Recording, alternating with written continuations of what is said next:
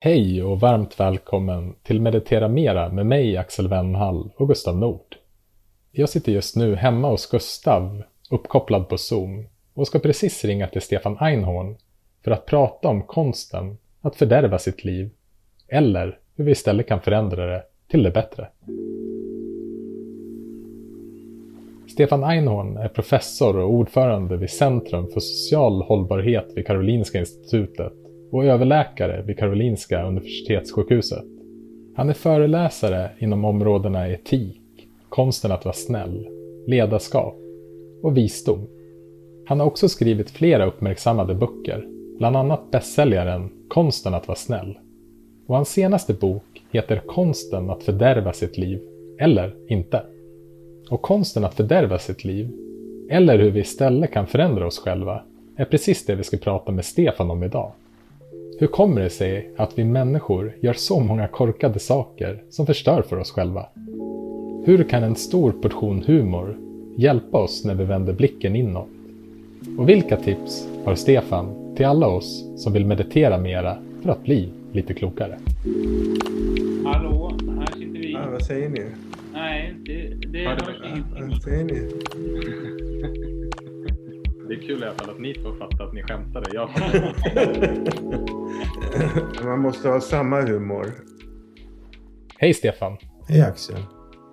Det här är ju första gången vi träffas och även om jag önskar att vi hellre hade kunnat kommit hem till dig idag och kanske tagit en kopp kaffe tillsammans nu så är jag ändå glad och tacksam att vi kan höras på det här sättet och för att du har tagit dig den här tiden. Ja, det, det, jag håller med dig och sen är det ju dyrt med kaffe så jag sparade en liten slant där också. Exakt. Och eh, du har ju gett ut boken Konsten att fördärva sitt liv eller inte.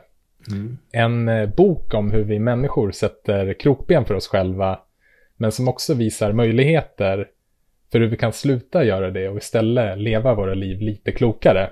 Mm. Och det har varit en stor behållning att läsa den här boken. Det är en, det är en väldigt rolig bok och en väldigt underhållande bok, en väldigt bra bok. Eh, men det är också en bok som har mycket igenkänning och är kanske lite för mycket igenkänning än vad jag hellre hade önskat. Mm. Men jag tänkte att idag så ska du och jag prata om alla möjliga och omöjliga sätt som vi människor kan fördärva våra liv på. För det är så ofantligt många. Eh, och vi kommer inte hinna gå igenom alla dem idag, långt ifrån. Men innan vi djupdyker ner i boken, så hur mår du just nu? Jag mår bra. Jag eh, har ganska mycket just nu för jag undervisar eh, en eh, grupp med läkarstuderande så, i, i konsten att vara en god doktor. Så att jag har fullt upp med undervisning eh, stort sett hela dagarna och sen så har jag i regel åtaganden efteråt. Så att det är mycket, men jag tycker om att ha mycket att göra och jag mår bra. Hur mår du? Tack, jag mår också bra. Eh, när vi talas vid så eh, har vi inte haft en endaste soltimme här i, i Sverige. Men trots det så, ja, ja, men jag mår bra. Jag, jag gör också, jag jobbar med det som jag tycker är kul och känns meningsfullt och jag är frisk. Så att eh, jag har faktiskt ingenting att klaga på just nu. Mm. Man får klaga även om man eh, har till synes allting. Eh, för att eh, det, det, det, eh, det är en sinnesstämning om man är nöjd med livet eller inte. Mm. Ja men verkligen och vi kommer säkerligen komma in på det. Men jag tänkte börja med att bara fråga, för du inleder ju boken med att berätta att du har Parkinsons sjukdom. Mm. Vad har det och vad har den sjukdomen lärt dig? Jag, jag, jag tror inte sjukdomen har lärt mig någonting. Eh, men jag kan säga att eh, jag har delvis fått ett annat synsätt. Jag blev ju... Jag, jag fick ju symptom för 13 år sedan och fick diagnosen för 8 år sedan. Och eh, man kan säga att eh, på något sätt har, har eh, uppskattar jag livet ännu mera sen jag fick diagnosen. För att man kan reagera på olika sätt. Man kan säga att den här sjukdomen har begränsat mitt liv, vilket den ju eh, faktiskt har gjort till viss del. Men man kan också eh, lägga fokus på det här kan jag fortfarande göra. Och jag tror att jag i mångt och mycket har just fokus på vad jag kan göra och inte på det jag har problem med att göra. Sen verkar det som att sjukdomen eh, går långsamt, ta i trä. Mm. Eh, så att jag eh, är inte alltför hämmad av sjukdomen eh, idag. Men det är ju en kronisk sjukdom som bara går åt ett håll så att vi får... Framtiden är oviss. Mm. Men just nu lever vi i nuet. Mm. Det kanske är också bra att förtydliga det här med konsten att fördärva sitt liv är att, och som du också gör i boken, att det handlar om olika negativa tankemönster och inte hur vi fysiskt kan fördärva våra liv. Precis. Ja, sen kan man ju sabba sitt liv fysiskt genom att eh, eh, supa och knarka och eh, spela rysk roulette. Eh, och det är inte det boken handlar om utan du har helt rätt att den handlar om hur vi eh, i vårt medvetande kan sätta kroppen för oss själva.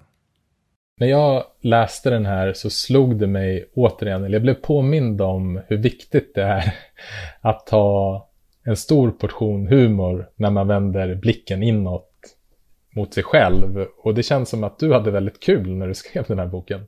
Ja, det hade jag. Det var, det var, böcker är mer eller mindre roliga att skriva och eh, den här hörde till kategorin eh, roligt att skriva den här boken. Andra böcker är eh, tråkiga att skriva, men man skriver dem för att man tycker de är viktiga. Mm. Och vissa böcker vet man inte varför man skriver överhuvudtaget. Men den här hade jag kul med och jag hoppas det lyser igenom i boken. Mm. Ja, men det gör det. Men du, Stefan, varför, varför förstör vi människor för oss själva?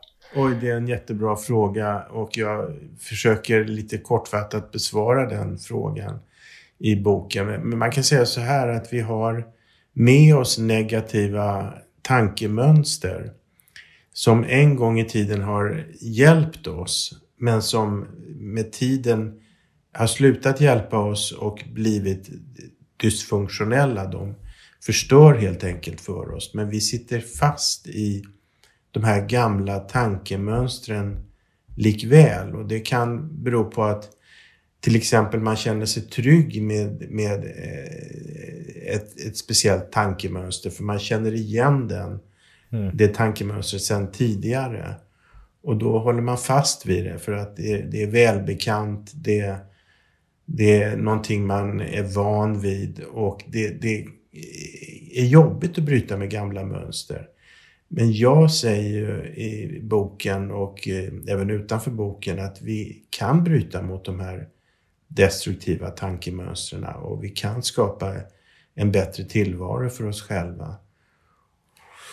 Och under ytan kan man säga att många av de här negativa tankemönstren beror på rädsla helt enkelt. Att det, vi skyddar oss mot rädslan genom de här olika tankemönstren. Mm.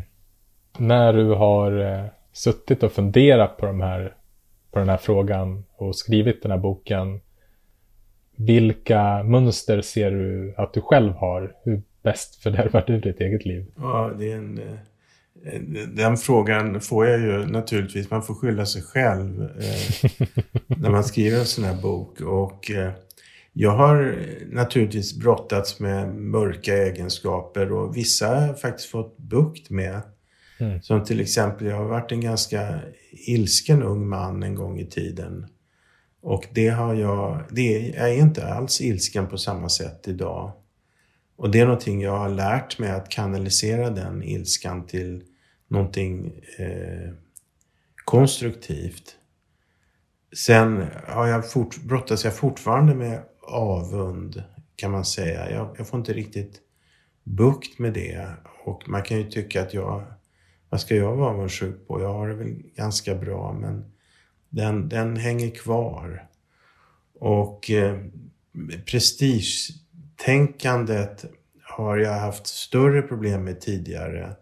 Men den, det, det, det händer fortfarande att jag eh, så att säga bli, kan fastna lite i prestigetänkande. Även om det är ett betydligt mindre problem idag än tidigare. Mm. Sen kan man ju, av min första replik, det där om att det, jag sparade en slant eh, på kaffet som jag slapp bjuda dig på.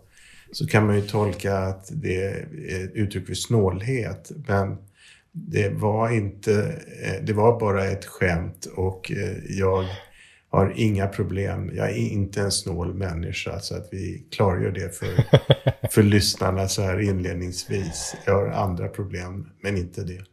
Mm. Så du får komma hem till mig vid ett senare tillfälle. Ska jag bjuda dig på baljor med kaffe. Det ser jag fram emot och nu har vi många vittnen här också som mm. kan intyga det här. Ja, det är bra. Nej, men för en, en, sak som slog mig när jag läste din bok och som jag tycker är en viktig insikt är ju att, att vi faktiskt själva fördärvar våra egna liv på olika sätt. Och det kan ju vara ett väldigt bäst piller att svälja. Vadå? Jag? Är det här mitt fel? Det här man har kanske tidigare projicerat ut det här på andra, att det är andras fel. Men det här är ju en lysande insikt att få. För vi har ju mycket större påverkan att förändra vårt eget liv än andras liv. Så jag tycker att, och som du också beskriver här nu med avund och ilska som du haft tidigare eller prestigefylldhet som är eh, mönster som jag definitivt känner igen mig själv. Men att i medvetenheten av dem så är man också i det ögonblicket lite klokare och har lite mer frihet från dem. Det är ju så här att om man vill förändra sig och förändra ett beteende så måste man först bli medveten om att man har det här beteendet eller den här mm. egenskapen. Om man inte har den insikten, ja, då blir man ju ett hjälplöst offer för den här egenskapen. Och, eh, så det är det första steget som du mycket riktigt är inne på. Nästa steg är att fatta beslut om man vill ha kvar den här egenskapen eller om man vill Eh, jobba med den för att så att säga få bukt med den.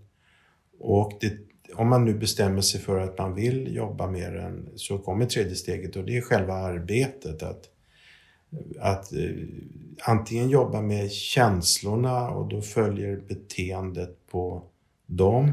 Eller så kan man börja jobba med beteendet så att, och då följer känslorna på beteendet. Men ett väldigt viktigt budskap i den här boken, det är ju, som jag ser det, det är ju att vi kan förändras. Jag, jag hade inte skrivit den här boken om jag inte hade trott på människans förmåga att förändra sig. Och det är också visat i studier att eh, av åldrande processer som förändras vi. Så att eh, äldre människor är i genomsnitt mer vänliga, mer medkännande och är helt enkelt snällare. Eh, så vi blir snällare med åren. Och det är så att säga en naturlig process och vi pratar om medelvärden för sen finns det surgubbar och surgummor. Mm. men man kan också medvetet förändra sina livsmönster och det är jag angelägen om att förmedla. Mm. Hur eh, ser din egen bakgrund ut inom kontemplativa, kontemplativa traditioner eller meditation eller andra typer av medvetenhetsträning? Eh. Ja, min meditativa karriär, om man får säga på det sättet, började i USA när jag var där som gästforskare. Och jag var, åkte flera helger på buddhistiska meditationsseminarier. Och eh, det var eh, en, lite av en ny värld som öppnade sig för mig. Och eh, sen har jag mediterat i perioder och i perioder har jag inte gjort det. Och just nu är en period när jag inte gör det. Mm. Åtminstone inte speciellt ofta. Och jag kan ibland eh, hytta åt mig själv och säga att eh, du borde göra det mer för att jag menar att det är både en väg till inre ro eh, och en väg till ökad klarhet och eh, faktiskt eh, även en väg till eh, visdom och insikt. Så eh, ja, eh, du får gärna eh, bråka med mig och säga att jag är dum som inte ägnar mer tid åt det här. Så kanske jag halkar upp på den, den rätta vägen igen. Jag vet inte om, om man kan så att säga, sen, nu, nu lägger jag över bördan på dig. Det är jag som tar ansvar, borde ta ansvar för det här. Men man kan ju söka hjälp hos, och stöd hos sina medmänniskor. Mm. Ja, vad tänker du? Jo, men det jag tänker på är att, eh, att det här att slå på sig själv är väl också ett ganska bra sätt.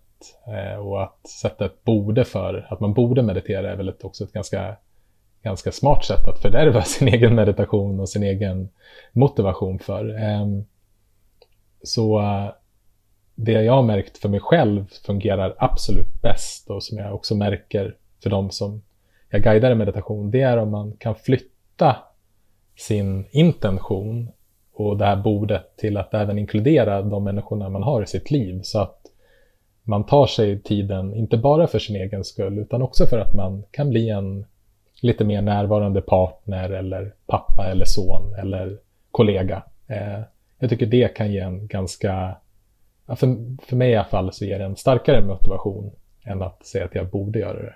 Mm. Eh, och då kan man säga så här att vad du säger är att man borde göra det, inte för sin egen skull enbart, utan också för omgivningens skull. Så det här borde har inte försvunnit, som jag vet jag kan höra. Eller vad säger du själv? Det är klart att det går att vara kvar i det där bordet, men jag vill, jag vill verkligen bråka mindre med min fru. Och jag mm. märker att jag bråkar mindre med min fru. Jag, jag är mindre lättretlig.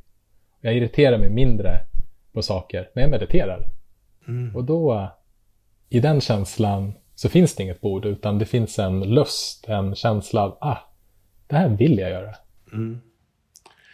Jag, jag tycker det är ett väldigt starkt argument som du framför. Jag uppskattar det, att du säger att just det här att det man gör för andra människor eh, är väldigt, väldigt centralt. Och det är ju visat i vetenskapliga studier att gör man saker för andra människor så gagnas man för egen del. Så det blir en cirkelrörelse. Man vill meditera för att man ska bli en bättre person i relation till familjen till exempel. Men är man en bättre person i relation till familjen så har man tillbaks det. Man får ett bättre liv för egen del. Och Dalai Lama sa eh, någonting klokt eh, en gång i tiden, ungefär så här att eh, eh, dumma egoistiska människor gör saker för egen del och de, mm. det har de ingenting för. Men kloka egoistiska människor, de gör saker för andra människor och då gagnas de för egen del. Precis samma budskap jag försöker förmedla i mina böcker och föreläsningar att det bästa sättet att vara egoist på det är att göra saker för andra människor för då gagnas man för egen del. Mm. Jag känner igen det där citatet. Det är någonting jag försöker bära med mig själv. Att man gör det för sin egen skull men man kan vara lite klokt självisk istället för dumt självisk. Ja, jag, jag, jag tycker man ska, inte, man ska inte på något sätt skämmas för att man gör goda gärningar av egoistiska skäl. Det, jag brukar säga att det är inte tanken som räknas. Utan det är handlingen. Det är, det är inte orsaken till att vi gör gott som är det viktiga utan det viktiga är att vi gör gott. Och det, eh, för mig är det budskapet centralt. Jag vet inte om du instämmer i det eller eh, har andra tankar. Eh, du ser lite brydd ut. Vi sitter och tittar på varandra via Zoom här. Så vi, vi ser saker som inte lyssnarna ser. Om, om, vi hade suttit hemma hos dig och druckit en uh, balja kaffe nu så hade jag bara nickat väldigt instämmande. Jag håller med till 100 procent. Okay. Ja, det är väl den förflyttningen som, som är så viktig att göra. Att, uh, att det handlar om vad vi gör och inte om vad vi säger eller tänker för den delen. Mm. Du skriver också en intressant sak i boken om vad forskningen säger hur vi minns negativa kontra positiva händelser. Mm. Eh, skriver jag om det i Konsten att fördärva sitt liv? Ja. Okej. Okay. Eh, det var bra att jag skrev om det för det är väldigt eh, centralt. Nämligen att vi minns eh, fyra gånger fler negativa händelser än positiva händelser. Och även om vi haft en lycklig barndom så kommer vi ihåg fler negativa händelser i barndomen än positiva händelser. Och, och så finns det andra undersökningar som pekar i samma riktning. Till exempel att i en äktenskaplig eh, relation eller en parrelation så krävs det fem goda händelser för varje negativa händelse. Varje negativ händelse. För annars spricker i regel relationen. Eh, och det, det, här understryker hur, vilken kraft det finns i negativa händelser. Om vi är otrevliga, oförskämda, nonchalanta eller någonting annat i vårt umgänge med andra människor så skapar det uppenbarligen enligt de här studierna ett större intryck hos dem än det positiva vi gör. Så att det, det understryker ju att vi ska vara aktsamma mot varandra. Vi ska vara aktsamma med våra mörka sidor för att de kan ställa till det för vår omgivning och de kan ställa till det för oss. Mm. Och du skriver ju också bland annat om hur vi kan fördärva våra relationer genom att gräla. Mm. Att det är en kanske den näst bästa metoden att sabotera en relation efter mord. Skriver jag det? Ja. Eh, det var ju riktigt fyndigt. Ja, det är sant. Jag, jag, alltså boken är ju uppbyggd på det sättet att den, det är en instruktionsbok i hur man fördärvar sitt liv. Så att jag säger så här inledningsvis att jag tycker att ska man göra något ska man göra det ordentligt. Man ska inte göra halvmesyrer. Och vill man sabotera sitt liv, vilket vi ju ändå gör delvis på grund av medvetna och omedvetna processer, så tycker jag man ska ta ett steg till och sätta det i, sätta lite kraft bakom det här så att man verkligen sabbar sitt liv i grunden. Och, och, och, och, och det är så att säga utgångspunkten för den här boken, Konsten att fördärva sitt liv. Och då kan man säga så här, men varför ska man skriva en bok som handlar om hur man fördärvar sitt liv? Och svaret är då att om man gör precis tvärtom, ja då får man ju ett riktigt, riktigt bra liv. Mm. Och det är ju det som är eh, tanken bakom den här boken, att man ska känna igen sig, att man ska eh, uppleva att det, det, här stämmer ju in på mig och det här stämmer in på mig och det här stämmer in på mig. Och hur dumt det är att vi gör de här sakerna. Och kanske välja att ta itu med dem. Och ett område som är väldigt populärt när man saboterar sitt liv, det är ju att man grälar sönder relationer. Och det är ju sagt att gräl kan så att säga eh, var, rensa luften och gräl kan eh, innebära att man kommer närmare varandra. Och jag säger bara eh, skitsnack. Ett riktigt gräl är ofta i regel destruktivt. Och man har visat i undersökningar att eh, eh 69 procent av alla äktenskapliga konflikter blir aldrig lösta. Men man ger sig på varandra genom de här konflikterna gång på gång på gång och kommer ingen vart. Och några knep som man kan eh, använda sig av om man riktigt vill sabba relationen i ett gräl, det är ju till exempel att man eh, inte låter den andra prata till punkt utan avbryter hela tiden. Att man använder uttrycket alla säger att du. Att man eh, drar in den andres familj och, och, och, pratar illa om dem. Och att man eh, så att säga inte går och lägger sig som vänner utan att man låter eh, det här grälet dra ut på tiden så att man nästa morgon är man fortfarande ovänner och man går till jobbet eller vad man nu går så, så, så sitter det här agget kvar. Och eh, om man använder sig av de här eh, knepen som jag förmedlar i boken så kan man sabba relation efter relation efter relation och sedermera dö eh, ensam och övergiven och sörjd av eh, ingen och saknad av ingen. Så att, men sen kan man göra precis tvärtom och låta bli att gräla på det här dumma sättet och då får man ett riktigt bra liv. Vad man nu ska med det till kan man ju fråga sig. Mm. Jag ser att en faktor för gräl och kanske framförallt nu när vi tvingas vara hemma mera i relationerna och hålla oss hemma är att vi kan börja irritera oss på varandra och att det här sker eh, både medvetet och omedvetet och, och, och liksom hur det kan vara. Och jag fick en hög igenkänningsfaktor när jag läste just om olika irritationsobjekt i en relation i, i boken med min fru. Och det jag bara noterat i mig själv är också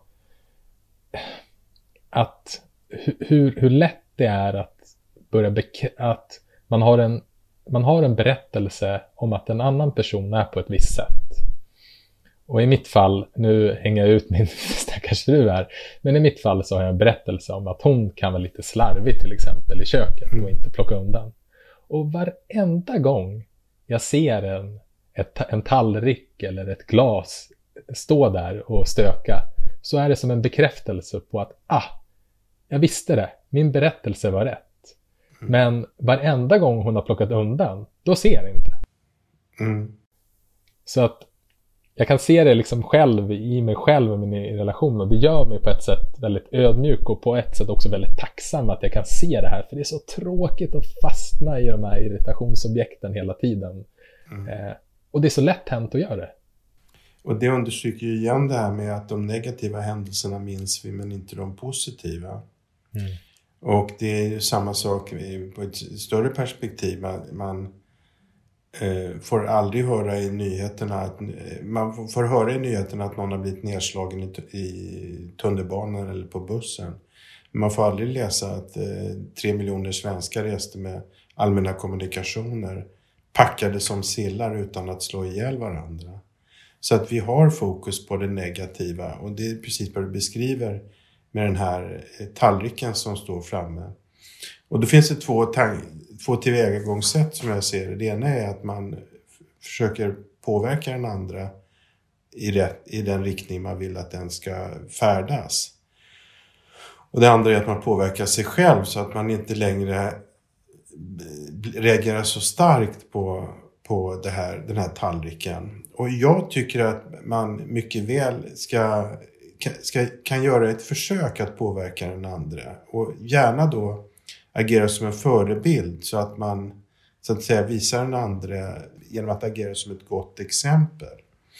Och sen tycker jag man kan säga att det är verkligen plågsamt för mig, de här tallrikarna. Jag vet inte vad det beror på. Det kanske är trauma i barndomen som ligger bakom. Men jag mår faktiskt dåligt av att se här, den här kladdiga tallriken. Så man ger den andra en chans att förändra sig. Om den andra inte klarar av att förändra sig, eh, då, då återstår det att man förändrar sig själv och står ut med den här tallriken för att ni har ju en bra, ni har ju väldigt mycket att glädja er åt i er relation och ser till det positiva och överser med det negativa. Och den tredje varianten och den sämsta varianten det är att man fortsätter att irritera sig för den där jävla tallriken. Och, eh, då, eh, och känner en eh, bitterljuv eh, känsla av, jag visste att hon inte kunde ändra sig. Och eh, det är ju lite tillfredsställande faktiskt att irritera sig på saker och ting. Det frigör nog lite endorfiner i huvudet på oss. Ja, och jag tänker framförallt att man blir ju en mästare i konsten att fördärva sitt liv när man irriterar sig över den där tallriken varenda gång. Um, vi har varit inne lite grann på gräl och irritationsobjekt och du tar ju också upp ett annat sätt. Ehm, så låt oss säga att vi grälar och vi irriterar oss. Men så finns det ju då det liksom tredje steget i den här eh, de här, den här konfliktytan och det är att vi lär oss konsten att aldrig säga förlåt och du är väldigt tydlig med att du inte rekommenderar någon att be om ursäkt om man nu vill fördärva sitt liv. Mm. Ja, jag, det finns två varianter. Det, det, bästa är om man aldrig ber om ursäkt. Eh, utan att man, jaha, så du är upprörd över det? Ja, det är väl inte mitt problem, typ. Och då, då, då, då har man liksom en tvärs, tvärstopp mot att be om ursäkt. Men sen kan man göra halvkvädna ursäkter också. De är nästan ännu värre. Då säger man till exempel så här, jaha, så att du tyckte det var störande med den här tallriken på bordet. Då beklagar jag djupt att du känner på det sättet. Och då, då känner den andra parten, ja, det där var nog ingen riktig ursäkt. Så att det finns två, två möjligheter så att säga om man vill fördärva sitt liv. Den fullständiga frånvaron av ursäkter och den halvkvädna ursäkten. Mm. Vilken brukar du ägna dig åt?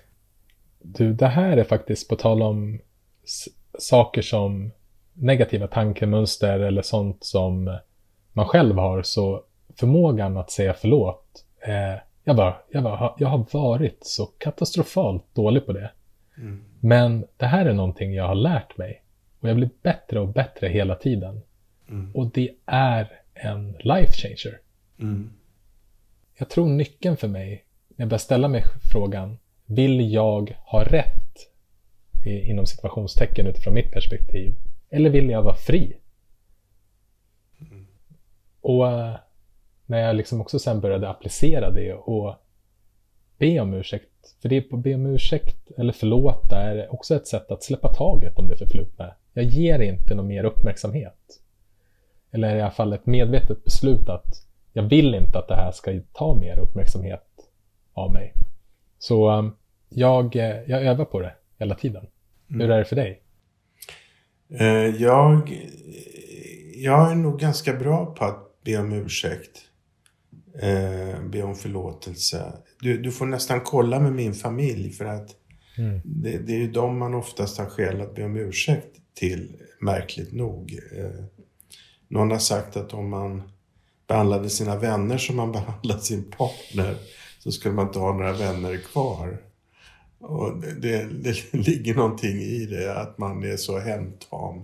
Att mm. man så att säga släpper alla hämningar. Men jag tycker nog att jag har blivit eh, ganska duktig på att be om ursäkt. Hur eh, ofta tycker du att man kan förlåta? Kan man förlåta allt? Jag trodde du skulle fråga hur ofta jag bad om ursäkt. Och det, det händer ju aldrig, för jag gör ju aldrig något fel. Nej, nu skojade jag lite. eh, vad var det för fråga? Hur, kan man förlåta allt? Nej, man kan inte förlåta allt. Det finns en berättelse av Simon Wiesenthal, nazistjägaren, om när han var, eh, var i ett arbetsläger i, jag tror det var i Tyskland. Och eh, en dag när han eh, kom gående så kom det ut en sjuksköterska från sjukstugan och sa, är du jude? Ja, sa han. Ja, kom med här. Och så tog hon in honom i ett rum där låg en svårt skadad tysk soldat och, eh, som var döende och den tyska soldaten berättade då för Simon Wiesenthal alla hemskheter han hade gjort på östfronten mot eh, judar. Och eh, eh sen eh, som avslutning så ber han Simon Wiesenthal att förlåta honom för vad han har gjort. Och eh, Eh, runt det här temat kretsar hela den här boken som Simon Wiesenthal skrev som heter Solrosen. Skulle han förlåta eller skulle han inte förlåta? Och vad, vad säger du Axel? Skulle han förlåta eller skulle han inte förlåta? Oj. Vet du vad, jag kan inte svara på den här frågan. För jag kan omöjligt föreställa mig vad det innebär att förlåta i den situationen. Mm. Och då säger, jag, jag har ju funderat runt den här frågan och jag säger att han kunde inte förlåta för han kan inte förlåta det soldaten hade gjort mot andra människor. Han hade inte det bemyndigandet helt enkelt att göra det. Right. Om han hade dödat Simon Wiesentahls föräldrar så kunde han, jag förlåter dig för den skada du har gjort mot mig för att du har gjort mig föräldralös. Men jag kan inte förlåta i deras namn. Jag kan bara förlåta i mitt namn. Mm. Boken handlar om att han diskuterar den här frågan med ett antal människor. De flesta säger att du har ingen rätt att förlåta för andra. Men vissa säger att det är din plikt att förlåta. Och många av de som sa det var faktiskt aktiva kristna. Och det är ju en del av det kristna budskapet, att, eh, en viktig del, att man ska förlåta. Mm. Du ser fundersam ut. Du sitter fortfarande och funderar på om du kan förlåta. Ja, men jag önskar att det gick och... Men jag tycker också det känns hoppfullt det du säger att vi kan förlåta det som har hänt oss själva, men att det kanske inte är vårat det är inte vårat ansvar eller vårt bemyndigande att förlåta det som har hänt andra. Men vi kan, det tycker jag ändå finns, det finns en hopp i det, för jag vill och jag tror att kraften av förlåtelse är så viktig om vi också ska kunna förändra både våra egna liv men också samhället i stort. Att, att det förflutna betingar oss så mycket och på så olika sätt. Och som du har varit inne på tidigare, att vi minns det negativa fyra eller fem gånger oftare. Och har vi inte förmågan att förlåta, då fastnar vi i de här konflikterna, även om det är interna eller externa hela tiden. Mm. Så jag ser att kraften av förlåtelse är eh, enormt stor och enormt viktig. Mm. Jag håller med dig och det, det finns en väldig kraft i förlåtelse och det är eftersträvansvärt att förlåta det man har gjort mot en själv, det andra har gjort mot en själv. Och man ska också vara beredd att be om ursäkt för det man har gjort mot andra. Och det kan vara förlösande, det kan öppna upp tillvaron. Och det är ju på det sättet att när man inte har förlåtit någon så bär man omkring på den människan hela tiden på något sätt. Den finns i ens medvetande.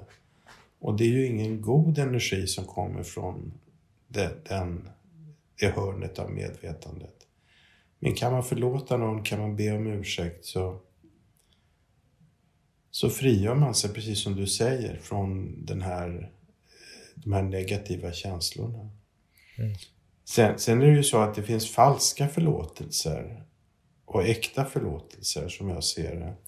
Falska förlåtelser, då bär man med sig agget fortfarande.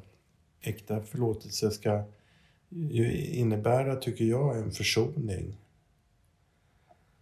Och jag håller helt med om att det är väldigt mycket värt att kunna förlåta och att kunna be om ursäkt. Det är så viktigt i våra liv.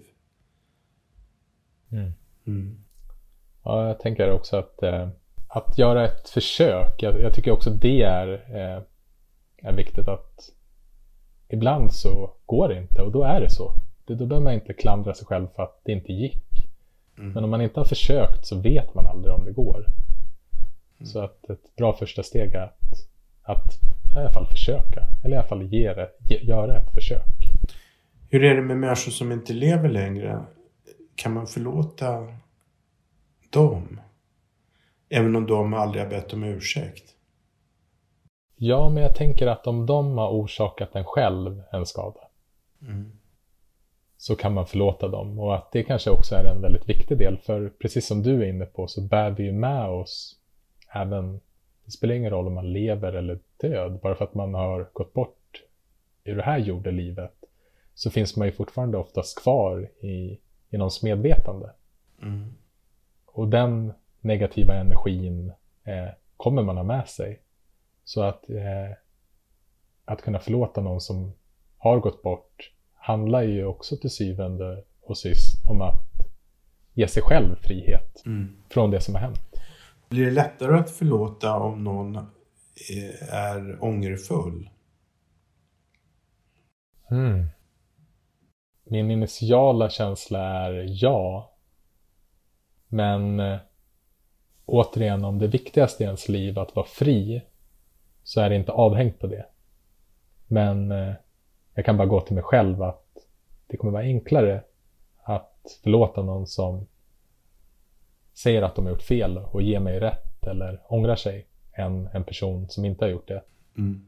Det, det beror så mycket på omständigheterna om man kan förlåta eller inte. Men om man ska säga något generellt så håller jag nog med, med dig att om någon är ångerfull så är det i genomsnitt lättare att förlåta den än någon som aldrig har uttryckt någon ånger.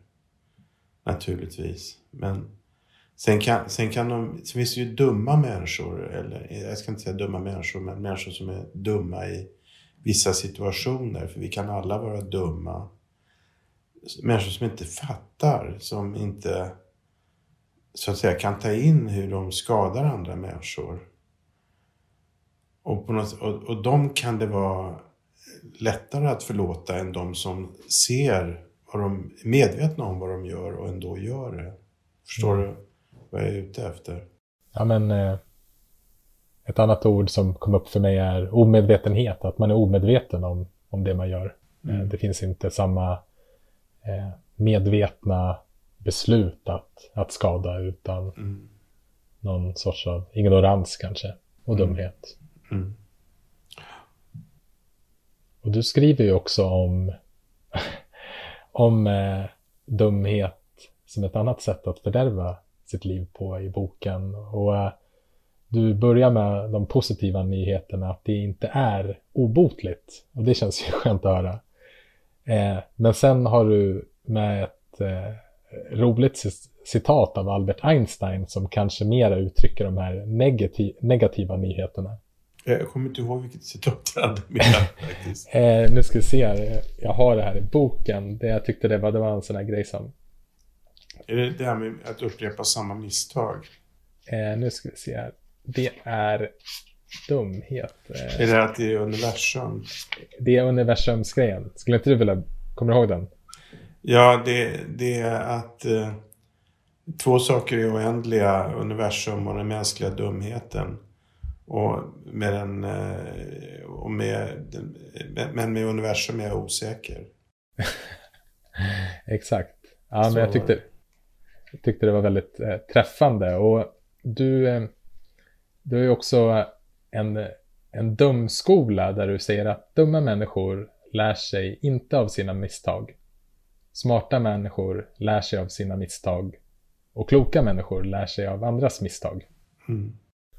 Vad ser du mer på vilka sätt att vi är dumma och fördärvar våra liv genom?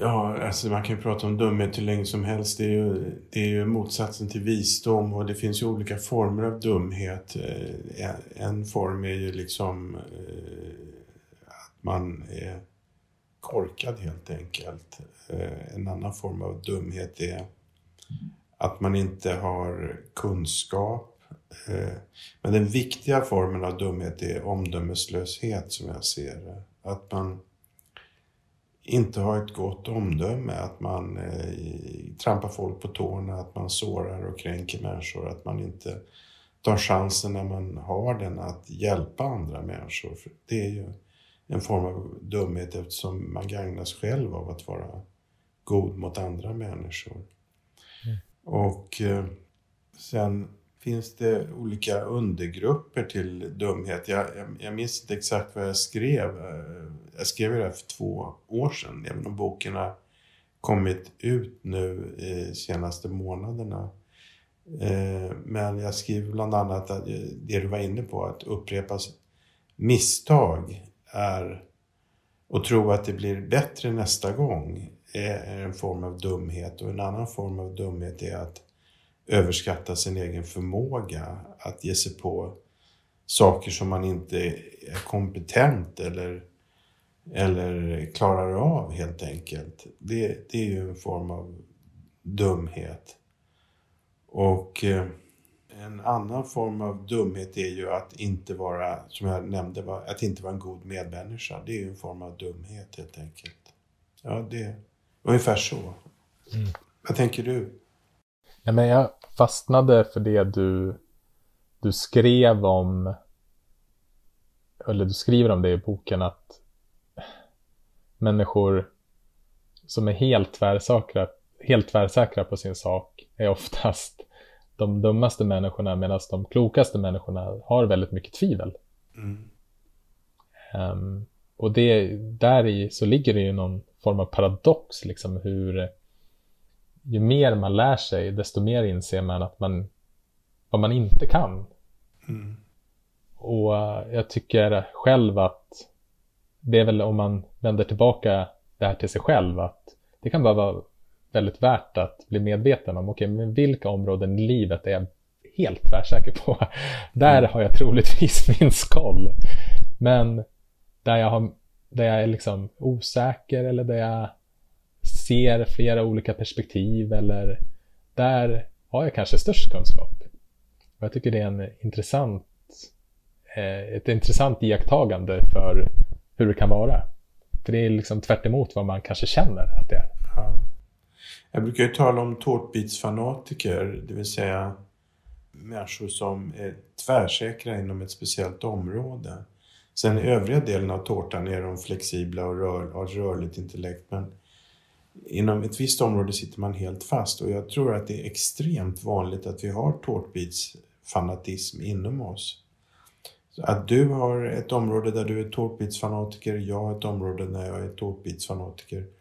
Och det som definierar en fanatiker är ju att man inte är medveten om att man är en fanatiker.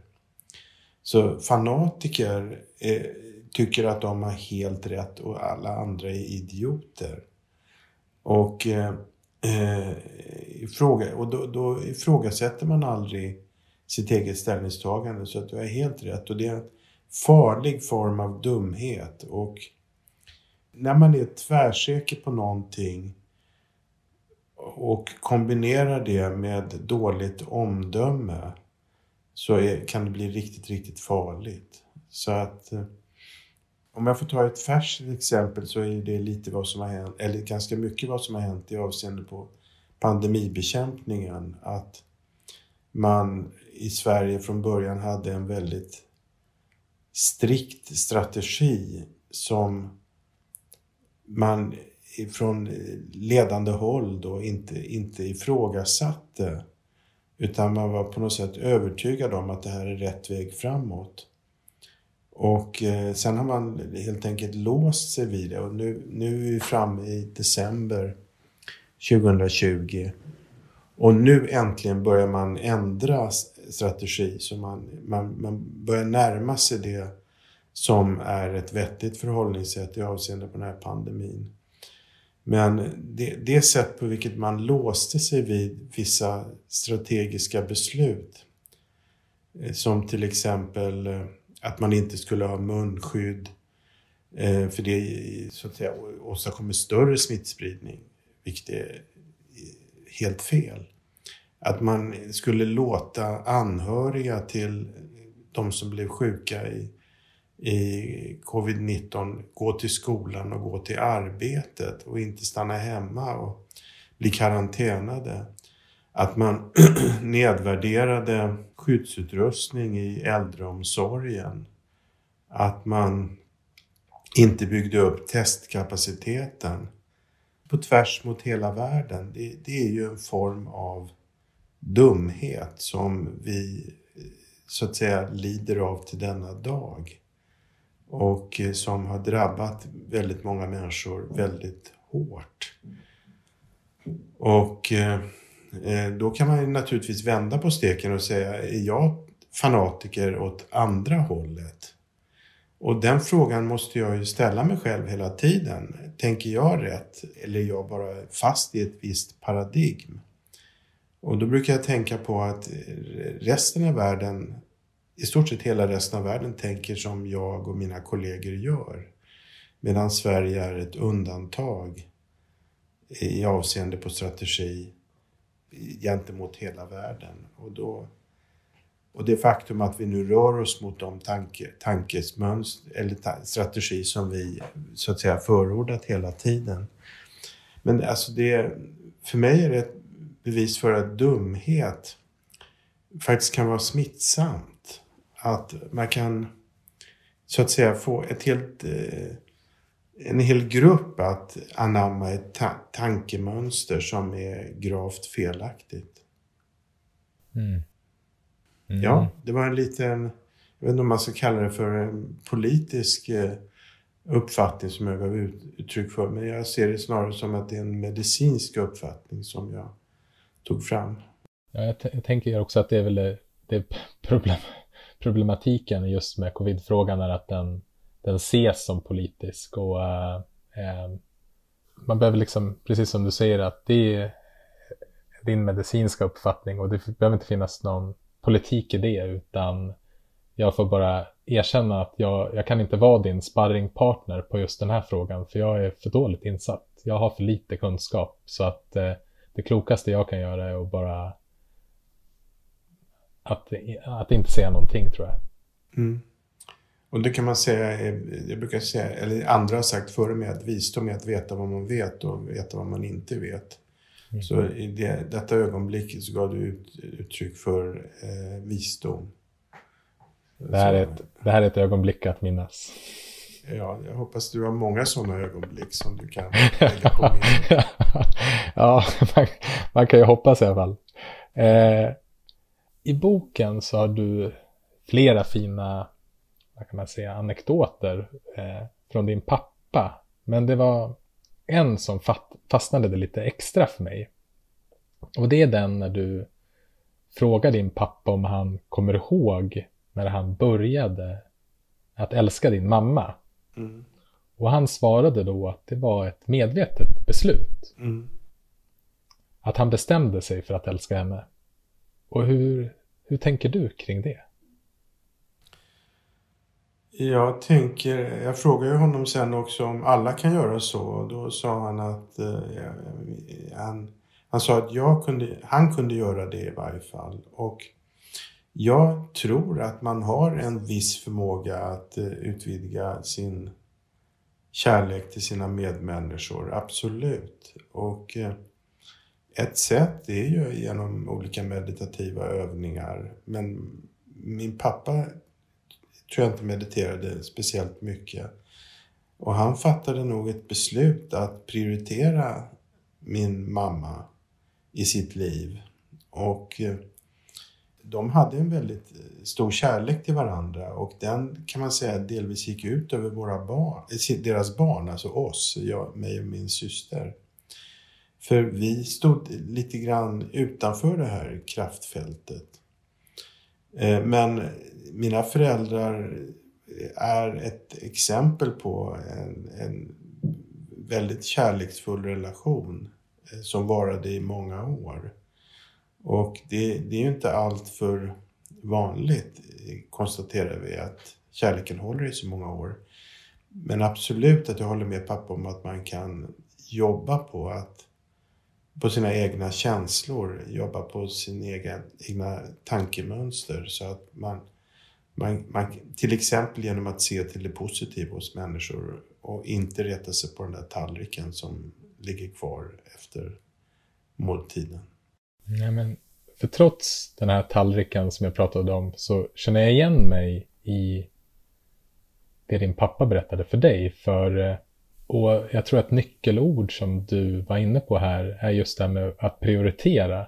Men för mig så var skiftet att istället för att prioritera mig själv och alla mina behov som är oändliga så tog jag ett medvetet beslut att jag ville prioritera min fru Anna. Eh, att, att hon fick vara viktigare än alla mina andra. Hon fick vara viktigast i mitt liv. Och mm. när jag tog det medvetna beslutet så var det som att det var bara en, det var en pusselbit som föll på plats. Eh, och i det medvetna beslutet så fanns det också väldigt mycket kärlek. Och väldigt mycket trygghet. Fanns den kärleken innan du tog beslutet? Ja, det fanns en stark kärlek innan, men det var som att kärleken blev djupare. Det var också som att, kanske som att jag tillät mig själv att få, när jag tog det medvetna beslutet var det som att jag också, då hade jag gjort det och då var det som att jag kunde tapp, släppa lite av den här kontrollen, hur ska det bli, utan beslutet var taget. Och nu för att vara som det är. Jag kunde släppa taget lite grann och i det så växte kärleken. Är, är du hemma hos dig nu? Nej, nu är vi hemma hos Gustav. Okej. Okay. Vad synd. Jag hade gärna hälsat på din hustru. Mm. Och sett er ett ögonblick tillsammans. Men det får bli någon annan gång i så fall. Vi får ta med henne när vi kommer hem till dig och dricker kaffe sen. Men menar du att jag ska börja betala kaffe för ytterligare en person? Nej. Anna är hjärtligt välkommen också på kaffe och jag ska bjuda på bullar också. Oh, wow. Wow. Det var fint. Det är fint det du berättade. Tack för att du delade det. Mm. Tack för att du delade med dig i boken. Ehm, det, det, finns så många andra olika sätt vi kan fördärva våra liv på. Så jag ska försöka välja ett här innan vi kanske kan gå över lite grann på de sätten vi kan förändra våra liv. Men en, en sån annan sak som jag fascineras över att vi människor har den unika förmågan att gråta över spilld mjölk. Mm. Och hur vi kan fastna i tankar kring hur det kanske hade kunnat varit eller om vi hade valt annorlunda. Ungefär som att det var möjligt. Som att vi hade den här tidsresemaskinen som kunde ta oss tillbaka och att vi då också skulle ha gjort annorlunda än vad vi gjorde just då. Vad, vad, vad, hur tänker du kring konsten att gråta över spilld mjölk? Alltså det finns ju eh, två saker man kan säga. Det ena är att det kan vara konstruktivt att eh, så att säga fundera över misstag man har gjort eh, så att man inte upprepar samma misstag. Det kan vara en lärdomsresa. Men sen finns det den andra sidan och det är att man går och grubblar över så att säga beslut man har fattat och som är oåterkalleliga. När man, in, man kan inte ändra på dem. Och då är det ju ett förskräckligt slöseri med energi och tankekraft. Så att då, den aspekten av eh, grubblerier rekommenderar jag icke. Men däremot kan jag rekommendera grubblerier som leder fram till en ökad visdom. Mm. Ja. Det var ord och inga visor. nu har vi pratat om massa olika sätt som vi kan fördärva våra liv på. Men vad är dina bästa tips för att ställa börja förändra sitt liv och kanske bli lite klokare? Ja, det är, ju, det är ju att man ser det som en trestegsraket.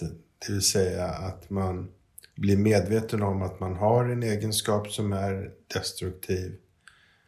Att man bestämmer sig för om man vill ha kvar den eller kämpa bort den, för det är delvis en kamp. Och sen att man tar den här, eh, det, det här arbetet att eh, förändra sina tankemönster eller sitt beteende. Och jag, jag, jag har höga tankar om människor och jag, jag menar att de kan förändras och eh Eh, eller vi kan förändras och ibland inträffar ett trauma i våra liv och det leder till en förändringsprocess. Men vi kan också medvetet bestämma oss för att jag vill inte vara en snål människa längre. Jag vill inte vara en avundsjuk människa längre. Jag vill inte vara en intolerant människa längre. Jag vill inte vara en invandrarfientlig människa längre. Jag vill, jag vill ha andra ideal i livet Och då jobbar man med de här egenskaperna så kan man eh, kämpa, kämpa ner dem och ersätta dem med betydligt eh, värdefullare egenskaper och eh, insikter. Och det är en, jag skulle säga att det är en fantastisk känsla att ha tagit itu med en mörk egenskap och att förändra sitt tankemönster eller sitt beteende. Det är, det är ett av de stora ögonblicken i livet när man inser att man faktiskt har lyckats förändra sig. Mm.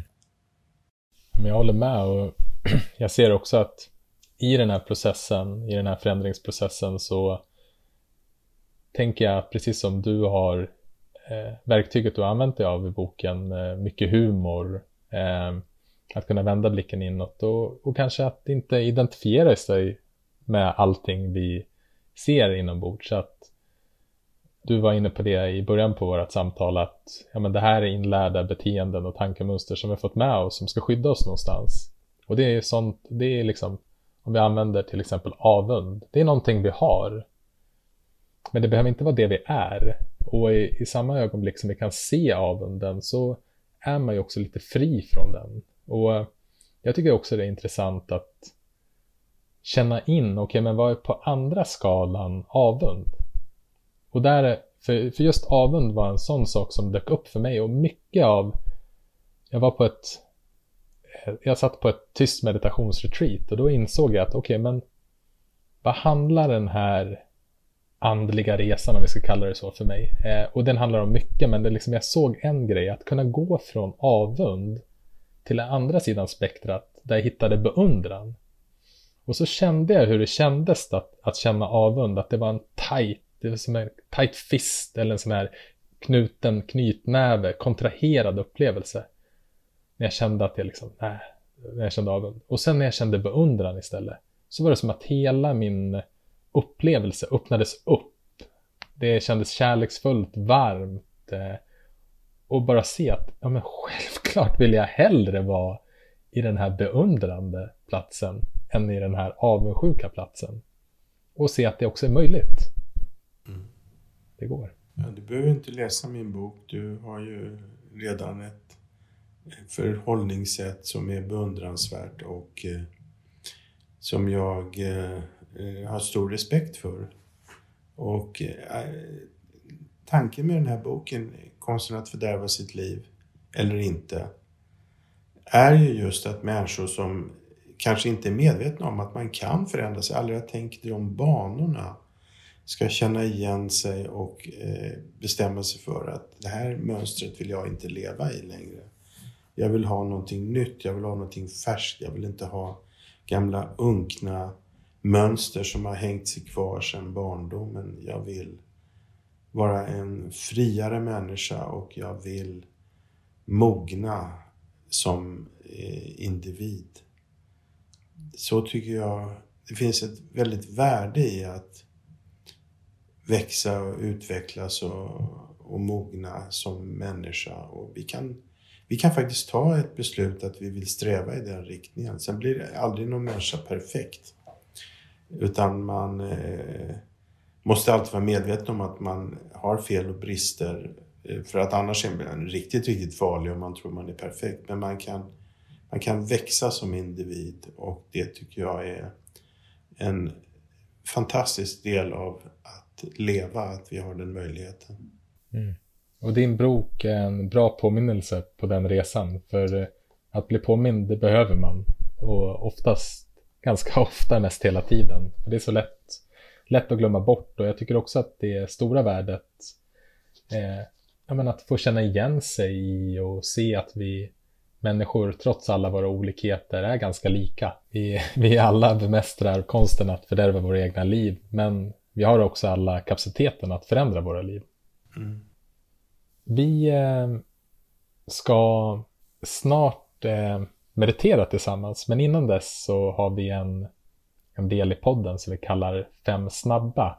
Och eh, så med det bara ett så snabbt svar som möjligt. Det som dyker upp först. Eh, är du redo? Mm.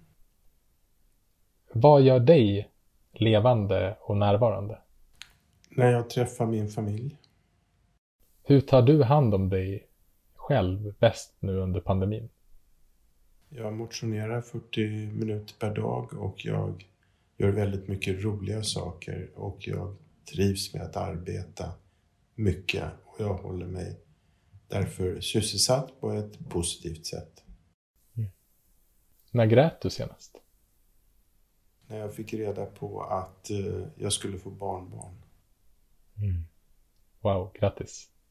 Tack. Vilket är det bästa rådet du har fått?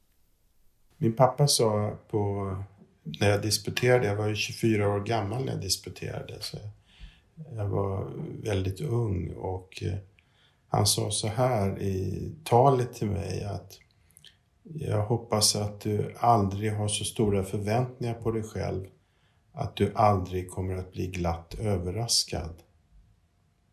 Mm. Bra råd. Vad är du tacksam för just nu?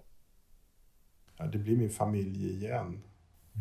Jag är väldigt tacksam över att jag har min familj. Vad är du mest tacksam för? Vad svårt det var med de här snabba frågorna. Ja, du är inte lika snabb som jag.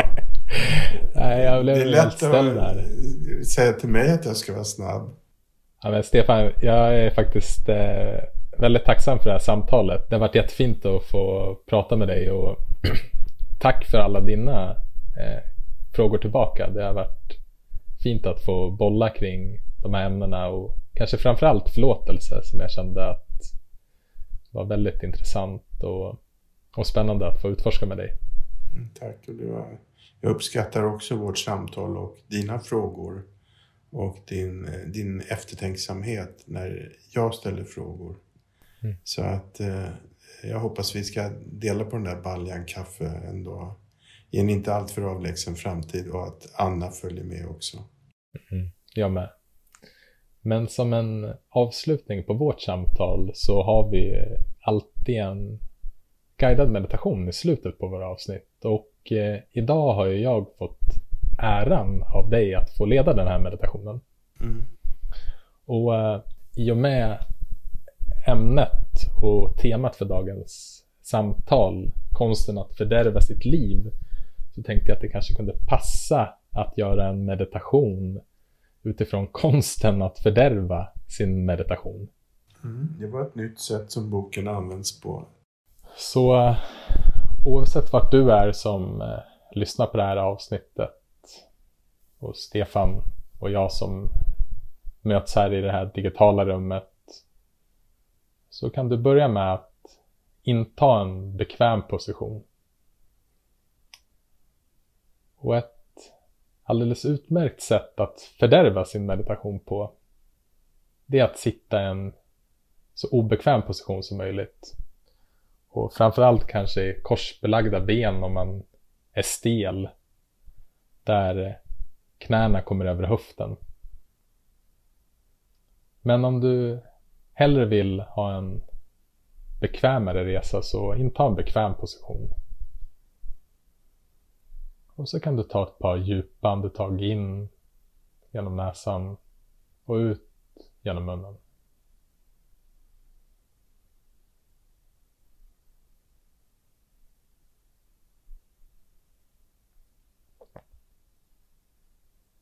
Och landa sen med din uppmärksamhet i de delarna av din kropp som är i kontakt med underlaget. Så om du kanske är ute och går så känn dina fötters kontakt mot marken.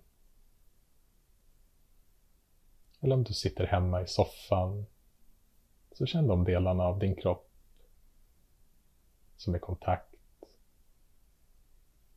Och landa med din uppmärksamhet här ett litet tag.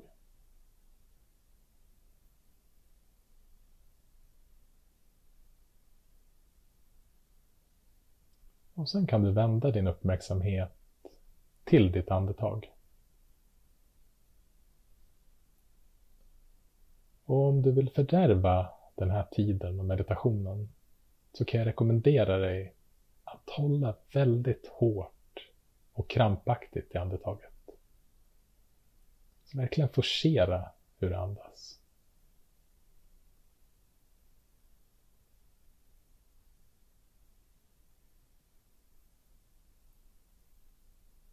Eller så kan du hålla din uppmärksamhet ledigt och låta andetaget vara precis som det är.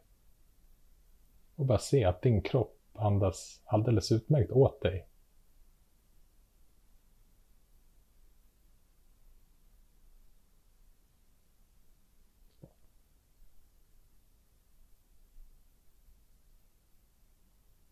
Och sen kanske du märker att uppmärksamheten vandrar iväg.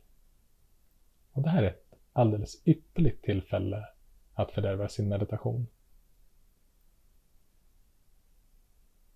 För nu har du chans att använda flugsmällemetoden. Som att du slår en flugsmälla på alla dina tankar.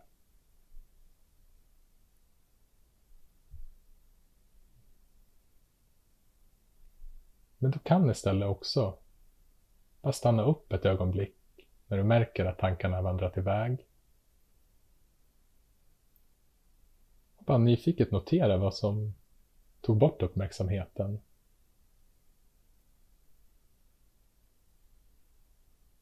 Och istället för att vara emot att du har tankar, så bara tillåt allt att vara precis som det är. Och inse att i det här ögonblicket så är du återigen närvarande.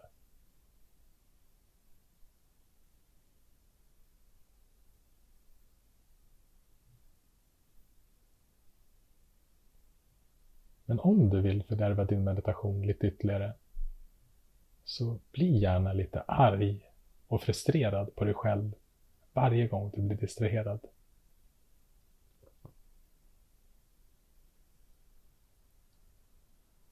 Och där kan du faktiskt ta ett steg till så du kan addera ytterligare en självkritisk tanke för att du blev frustrerad.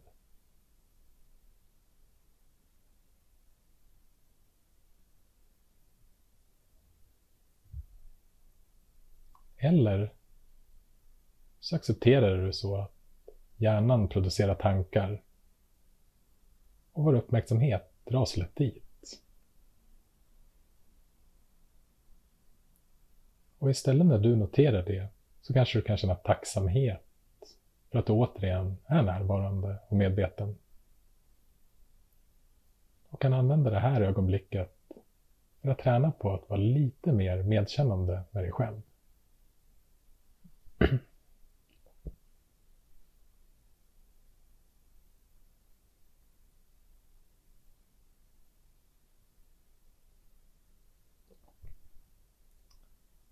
Och ett annat bra sätt att fördärva sin meditation på det är att sitta och hoppas att man ska få uppleva något särskilt. Ha riktigt stora förväntningar på sin stund av meditation. Kanske framför allt att man ska få känna sig lugn och harmonisk. Och om man inte känner sig lugn och harmonisk så är det ett perfekt tillfälle att undra vad man gör för fel.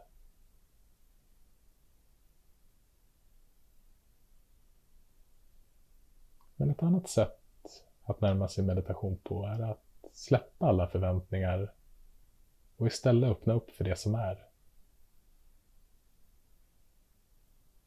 Att inse att den här stunden inte handlade om att komma till ett speciellt tillstånd, inte ens ett meditativt tillstånd. Utan att vara närvarande med det som är precis som det är. Utan att värdera det du upplever som rätt eller fel. Eller bra eller dåligt.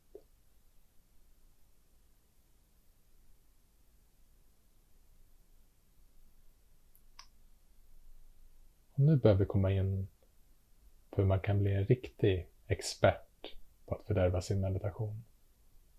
Och det kanske allra effektivaste sättet, det är att vara emot det som är. Alltså det du upplever. Att vara emot din verklighet. Det här är ett så bra knep. För det vi är emot förstärks. What you resist persist. Så om du kämpar riktigt hårt så förlorar du lite mera. Eller så kanske ger du upp den här kampen, det här motståndet och tillåter allt att vara precis som det är. Tillåter alla delar av din upplevelse att vara som de redan är. Inget att förbättra, inget att förändra. Allt är okej. Okay. Då kan du istället bevittna det som är.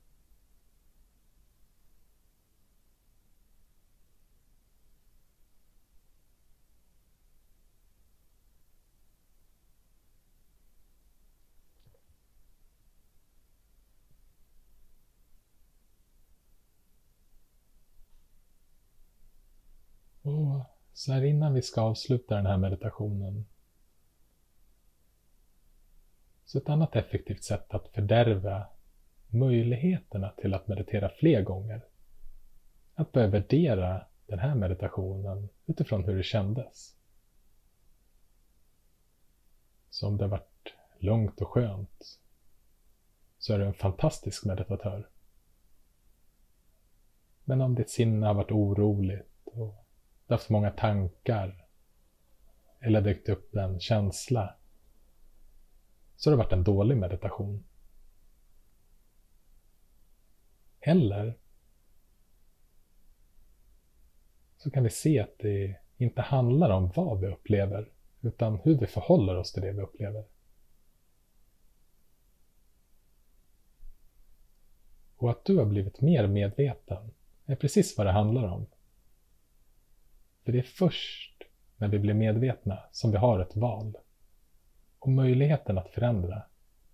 Istället för att fördärva våra liv eller vår meditation.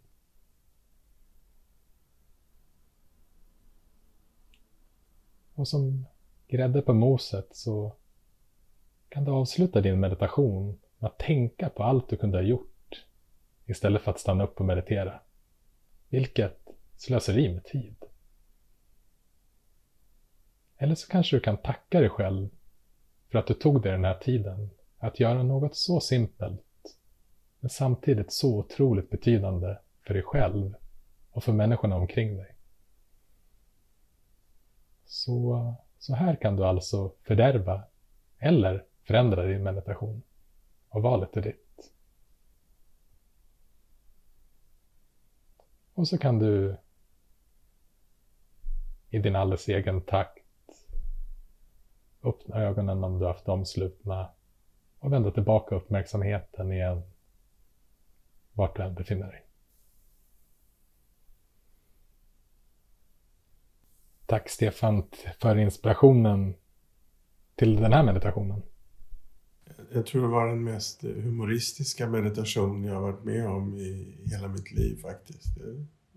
Det blev ganska roligt.